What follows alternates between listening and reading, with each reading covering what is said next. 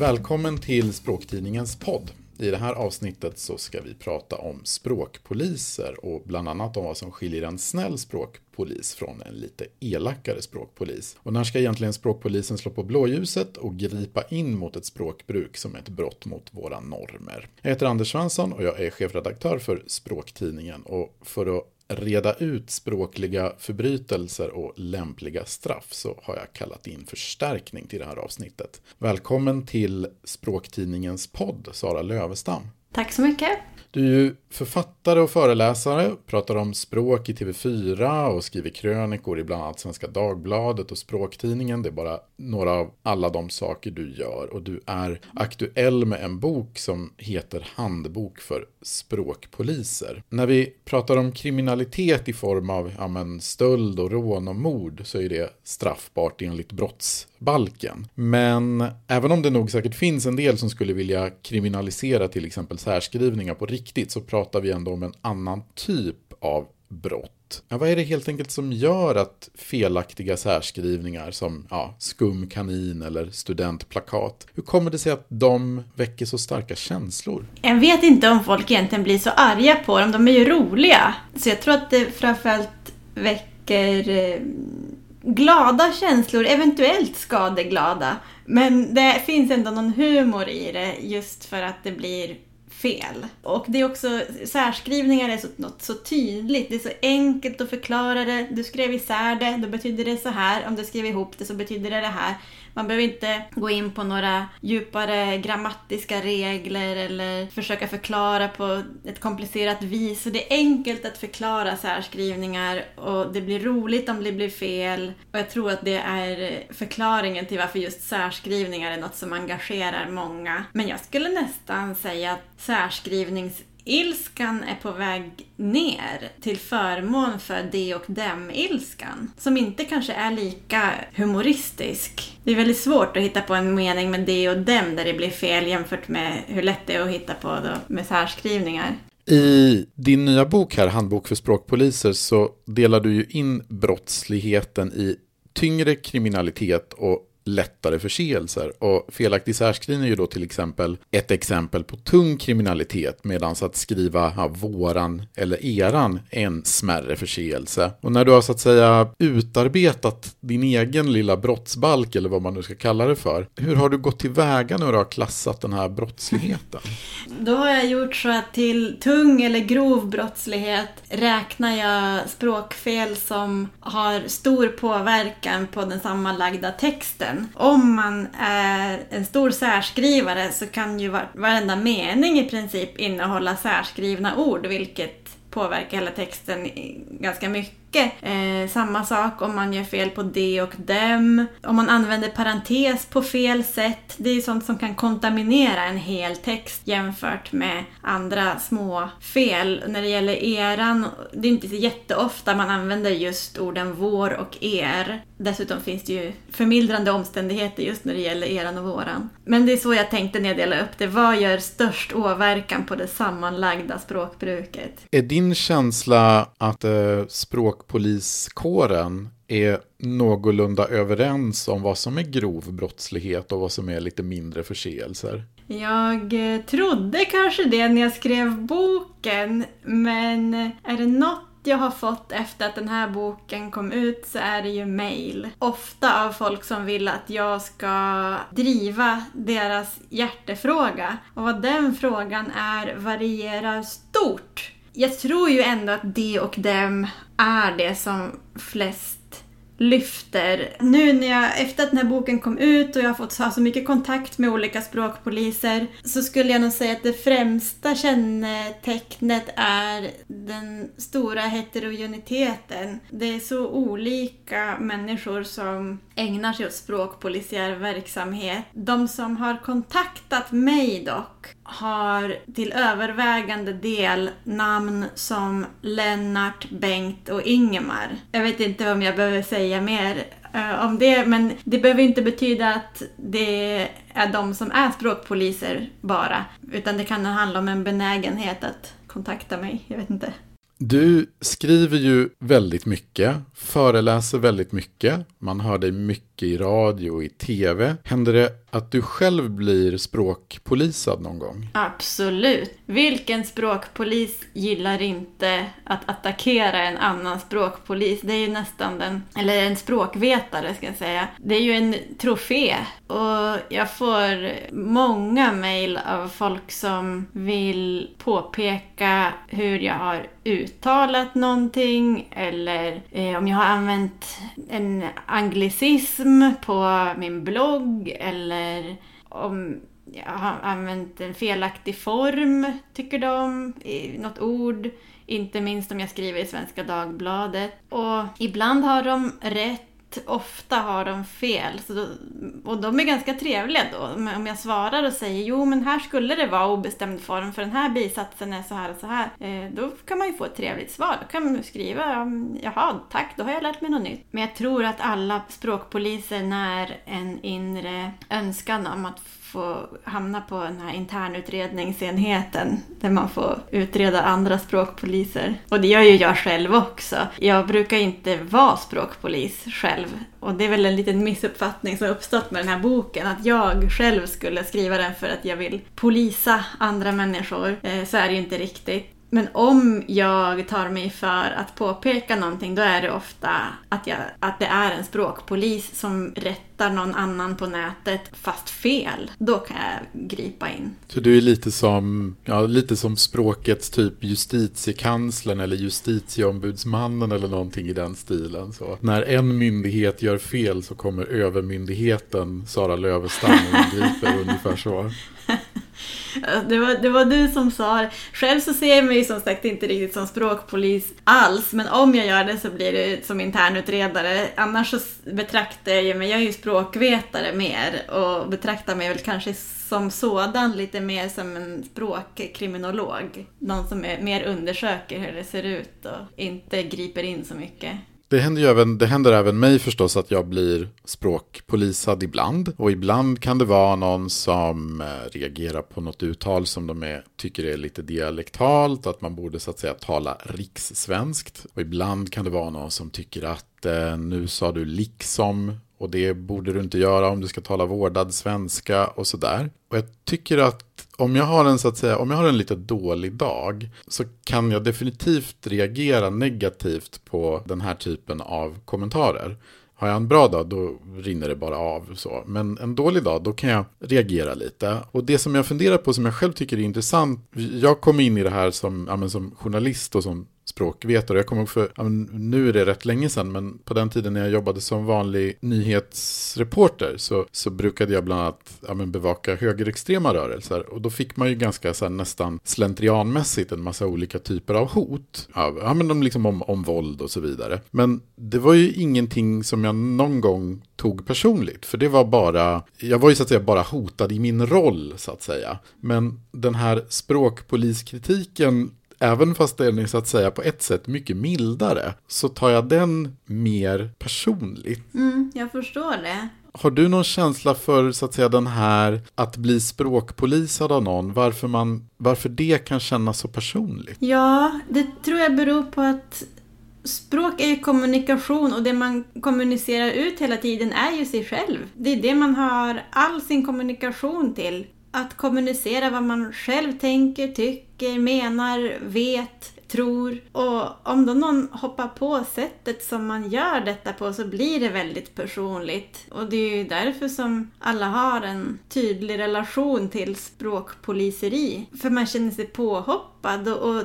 tänk att känna sig så, så påhoppad för sitt språk att man inte ens vågar prata. Kanske för att man har lärt sig att skämmas för sin dialekt eller man är dyslektiker och vågar inte skriva på nätet för att man vet att folk kommer hoppa på en stavning. Det blir som, får man inte använda sitt språk så får man ju inte kommunicera. Då är det ju knappt att man lyckas existera som människa. Så det är inte så konstigt att det blir personligt. Och jag kan också, om jag har en dålig dag, så kan jag också ta det personligt och också tänka sig, vad gör jag det? Är det här någonting jag borde ändra på? Eh, och rannsaka sig själv och också försöka hitta den balansen mellan att, mellan att ta åt sig på ett konstruktivt sätt om det är något som man faktiskt skulle kunna förbättra och att inse att det här är bara en massa människor som inte känner mig som kanske retar sig på någonting annat egentligen än på... Det kanske inte är så att det är ett stort problem i världen att jag säger liksom. De kanske störde sig på min frisyr. Eller på att jag var en jämförelsevis ung tjej som satt på TV och uttalade sig om ett ämne. Så det kan vara svårt tycker jag att balansera mellan vad, jag, vad, vad ska avfärdas och vad behöver jag ta till mig och jobba på. Senast som jag fick ganska mycket så här, ju, mer, ju större forum man är med i, desto mer skit får man ju. Och, och sen beror det självklart på vilket ämne man pratar om också. Men jag har ju många av mina följare de följer ju mig och jag skulle säga språktidningens läsare hör till dem och som jag har en mycket god relation till. Jag gillar dem, de verkar gilla mig. Om någon har en dålig dag eller slinter eller råkar använda något uttryck fel så påverkar det inte den stora bilden. Men så är man med i något stort. Jag var med igår kväll för ett par veckor sedan och vet du vad jag tänkte innan jag var med? Jag tänkte så här, nu ska jag se till att jag inte säger liksom eller, eller asso eller något sånt där. Så jag hade liksom det i bakhuvudet att säg inte det. Och så efteråt så får jag två, en som smsar till min privata mobil eh, och en som skriver mail om att de tycker att jag har sagt för mycket äh. Och det är ju det som jag då någon, någonting måste man ju säga medan man tänker efter vad man ska säga. Eh, och då var mitt fokus på att inte säga liksom eller alltså. Så man kan ju inte blidka alla och sitta där och tala en felfri svenska i direktsändning utan några tvekpauser eller ofullständiga meningar eller vad nu folk kan haka upp sig på. Och det kan ju också vara lite skönt att upptäcka det. Att ja, men jag får ju, jag får ju de här mejlen oavsett vad jag gör. Så då kanske man lite grann kan släppa dem. Du är ju inte själv en språkpolis, men finns det ändå saker i språket som du själv irriterar dig på? Ja, det kan ju hända. Framförallt om det är professionella texter som ska ha skrivits av någon som kan det här. Och det är flagranta fel som häromdagen, jag ska inte outa det här tv-programmet, det är ett bra tv-program men det var bara sak efter sak som kom och då sitter jag och kommenterar det i soffan och det är ju inte så... Jag menar, det bidrar inte till en god atmosfär i soffan och det når ingen som kommer att eh, göra något åt det här. Så egentligen finns det ingen mening med det. Men så kan, så kan det vara att jag tycker att en professionell text någon som skriver en, någon som skriver ett manus till någonting som ska gå på TV kanske borde kolla upp. Eller kanske borde få veta att den har svårt för prepositioner till exempel. Men är det så du så att säga kanaliserar din irritation, den stannar i tv-soffan ungefär så, eller? Ja, förutom det senaste året. För då har jag ju använt det här till Språkpolisboken. Det finns ju i varje avsnitt så har jag ju gjort en fältstudie. Så senaste året när jag har hört någonting felaktigt eller sett, då har jag ju gjort som jag gör i livet. När jag är med om någonting hemskt så tänker jag alltid någonstans det här kan jag använda i en roman. Och på samma sätt har det varit med språkfel det här senaste året när jag jobbat med handbok för språkpoliser. Eh, så då har jag genast skrivit upp det istället och stoppat in det i boken. I boken så delar du in språkpoliser i två kategorier. Den ena är good cop och den andra är bad cop. Och eh, hur definierar du de här två olika falangerna inom språkpoliskåren? Det var lite skönt när jag insåg att Språkpolishögskolan har de här två inriktningarna. För annars visste jag inte hur jag skulle göra.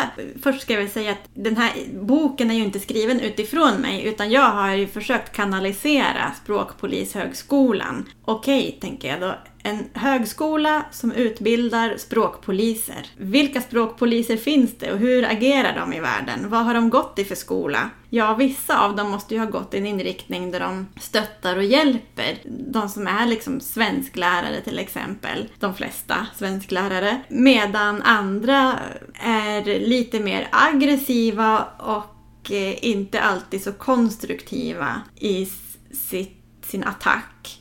Och därför bestämde jag mig för att Språkpolishögskolan skulle få ha de här två inriktningarna. De ena med målet att stötta och hjälpa mot ett bättre språkbruk och de andra med målet att håna och tukta, inte dalta med brottslingarna så att säga om man så att säga inte bara vill eh, peka ut ett, ett lagbrott utan om man faktiskt också vill eh, påverka en persons språkbruk. Vilken av de här inriktningarna från, från Språkpolishögskolan, vilken inriktning tror du fungerar bäst? Jag är ganska säker på att good cop fungerar bäst. Jag tror att bad cop-strategierna fungerar väldigt bra för att tysta folk men det kan ju inte vara ens mål. Målet måste ju vara att andra människor, för en språkpolis då, att andra människor i så hög grad som de förmår använder ett språkbruk som går i linje med vad vi just nu är överens om.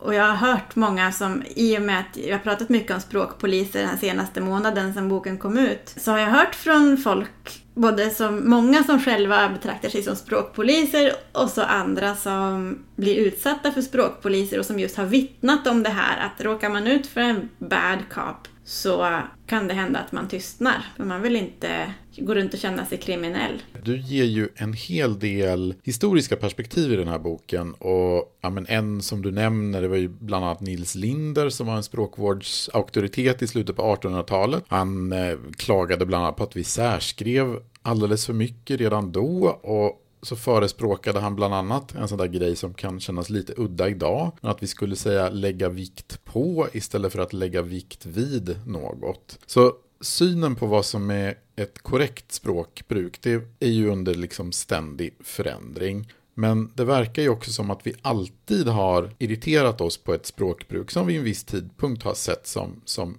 olämpligt. Alltså att det finns en eh, språkpolisiär irritation i samhället Känns det som ett faktum som är lika evigt som, som språkets utveckling? Ja, det tror jag. Och jag tror att båda behövs. Jag brukar prata om det, att det, jag tror alla människor har, du vet, en ängel och en djävul, fast en språk språkliberal och en språkkonservativ på varje axel. För det krävs för att språket ska fungera. Dels krävs det att vi alla är överens om vad ord och uttryck betyder och hur en viss ordföljd betyder en, ett påstående och en annan ordföljd betyder en fråga i svenska språket till exempel. Så man, vi är överens om grammatik och vi är överens om ord och det krävs för att vi ska fatta vad andra säger. Och sen så samtidigt så är ju språk inte något statiskt och det, för tiden är ju inte det och samhället är ju inte det. Så så länge som samhället utvecklas så måste språket utvecklas samtidigt som vi fortfarande måste kunna förstå varandra. Så den här utvecklingen får inte gå åt olika håll på olika, i olika delar av samhället. Och det är ju där språkpolisen kommer in. Så ja, jag tror att det är både utvecklingen och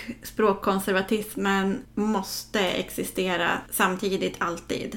Vi pratade ju lite om att språkpoliser kunde ibland kanske ha lite nedlåtande attityd mot, mot eh, de som bryter mot normer. Men kan det också vara så att språkvetare ibland har en lite nedlåtande attityd mot språkpoliser? Det tycker jag. Den, jag tycker den tendensen finns. Och jag kan tycka ibland att Eh, det är ett lite väl mm, raljant tonläge från språkvetarhåll gentemot väldigt många människor som går runt i detta land och bara försöker få språket att fungera och som är lagda åt det hållet. Men som har goda intentioner och, och vill fylla den här uppgiften att Eh, hålla i tömmarna liksom. När, medan språket förändras, att vara den som håller språket tillbaka lite och försöker se till att alla, ja, men att alla är med på tåget. Det är så lätt som språkvetare att, för man vet mer i och med att man är språkvetare, man har studerat det här. Man, man, jag brukar också säga det att kunskap ger lugn. Ju mer man vet om bakgrunden till att folk säger sig eller så, desto lugnare kan man vara för man inser att världen inte är på väg att gå under på grund av det här. Medan en aktiv språkpolis som inte har läst bakgrunden till det här språkfelet kan känna att det är mycket mer akut. Och då tycker jag att man även som språkvetare bör vara lite ödmjuk gentemot att det här är en person som vill väl och som i vissa fall har stor kunskap, det får man inte heller glömma. Och i andra fall inte har så mycket kunskap och då är det ju kunskap det är lite det som jag har velat förmedla i de här avsnitten.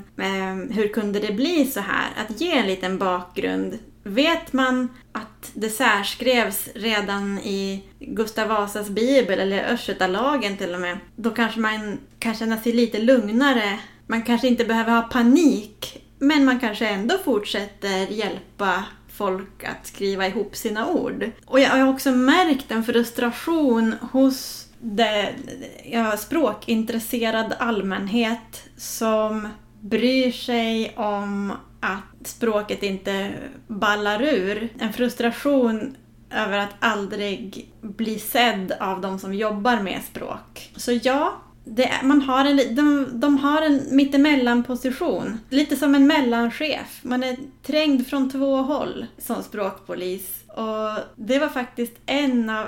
Jag vet att jag raljerar ju ganska mycket. Bara genom att skriva hur en bad cop kan agera så raljerar, raljerar ju jag med språkpolisen. Samtidigt så vill jag också lyfta upp språkpolisen och jag tror att de flesta språkpoliser har lite självdistans och både kan skratta åt sig själva och tycka att de gör ett viktigt arbete. Och jag tycker att båda delarna ska lyftas upp. Och att man också lyfter upp hur en språkförbrytare kan känna sig av att ständigt eh, bli påhoppad av språkpoliser. Det är så många aspekter av det här och det var ju också det som gjorde att det var roligt att skriva en bok om det. Då säger jag tack så mycket Sara Lövestam. Tack själv, kul att vara med i podden. Och tack till dig som har lyssnat. Språktidningens podd är tillbaka med ett nytt avsnitt om ungefär en månad. Prenumerera gärna på oss i din poddtjänst eller följ oss i sociala medier så att du inte missar något avsnitt. Vi finns på Facebook, Instagram, Twitter och LinkedIn. Så vill jag också passa på att tipsa om Språkforum. Det är en heldag som Språktidningen ordnar den 19 mars nästa år på Hilton Slussen i Stockholm. Och då möter du just bland annat Sara Lövestam och en rad språkvårdare och språkforskare och de kommer bland annat bjuda på konkreta tips för dig som kanske skriver i jobbet eller som vill lära dig mer om språket. Du kan läsa mer om Språkforum på spraktidningen.se språkforum. Om du är nyfiken på Språktidningen och vill teckna en prenumeration så att du bland annat kan läsa Sara Lövestams krönikor så kan du gå in på språktidningen.se. Tack så mycket och på återhörande.